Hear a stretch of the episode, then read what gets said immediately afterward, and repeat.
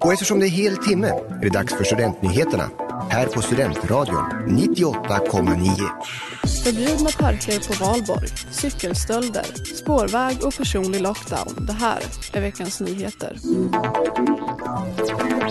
Tidigare har vi rapporterat om att Valborg inte blir av i Uppsala år 2021. Nu står det klart att det även blir förbjudet att vistas på ett antal platser i Uppsala under valborgshelgen. Platserna det blir förbjudet att vistas på är Ekonomikumparken, Observatorieparken och Stadsträdgården och förbudet gäller mellan den 29 april klockan 12 och den 1 maj klockan 9. Till P4 Uppland säger Anders Fridborg, Uppsala kommuns säkerhetschef, att beslutet är en signal om att valborg inte är ett tillfälle att träffas i stora grupper.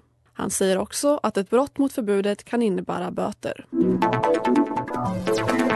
Uppsala var det län i landet där det begicks flest cykelstölder under förra året. Det rapporterar P4 Uppland. Knappt en tiondel av de cyklar som stals var elcyklar. Försäkringsbolaget If uppmanar därför de som äger en elcykel att ta med sig batteriet när man parkerar cykeln för att göra den mindre stöldbegärlig.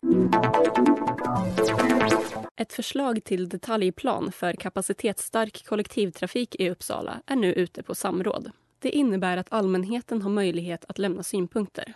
I förslaget ingår bland annat planer för spårväg i de södra delarna av staden samt en föreslagen ny tågstation vid Bergsbrunna. Allt detta är en del i det som kallas Uppsala-paketet. Ett avtal mellan kommunen, regionen och staten som syftar till att utveckla och anpassa staden för ett större antal invånare än idag. Detta involverar också två nya järnvägsspår mellan Uppsala och Stockholm. Mer information om den föreslagna detaljplanen finns på Uppsala kommuns hemsida. Samrådet pågår till och med den 22 maj. I Region Uppsala uppmanas befolkningen nu att ingå i personlig lockdown. Det är regionen, Länsstyrelsen och kommunerna i Uppsala län som går ut med uppmaningen.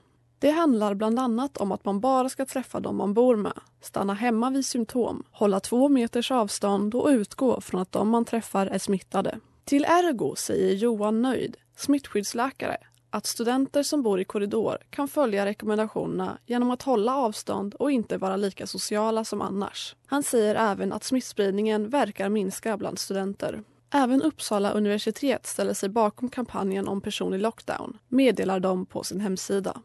Det nuvarande rektorsbeslutet om åtgärder i undervisningen har även förlängts till den 30 juni. Du har lyssnat på nyheterna i Studentradion 98,9 med Amanda Jansson och mig, Elvira Oberger.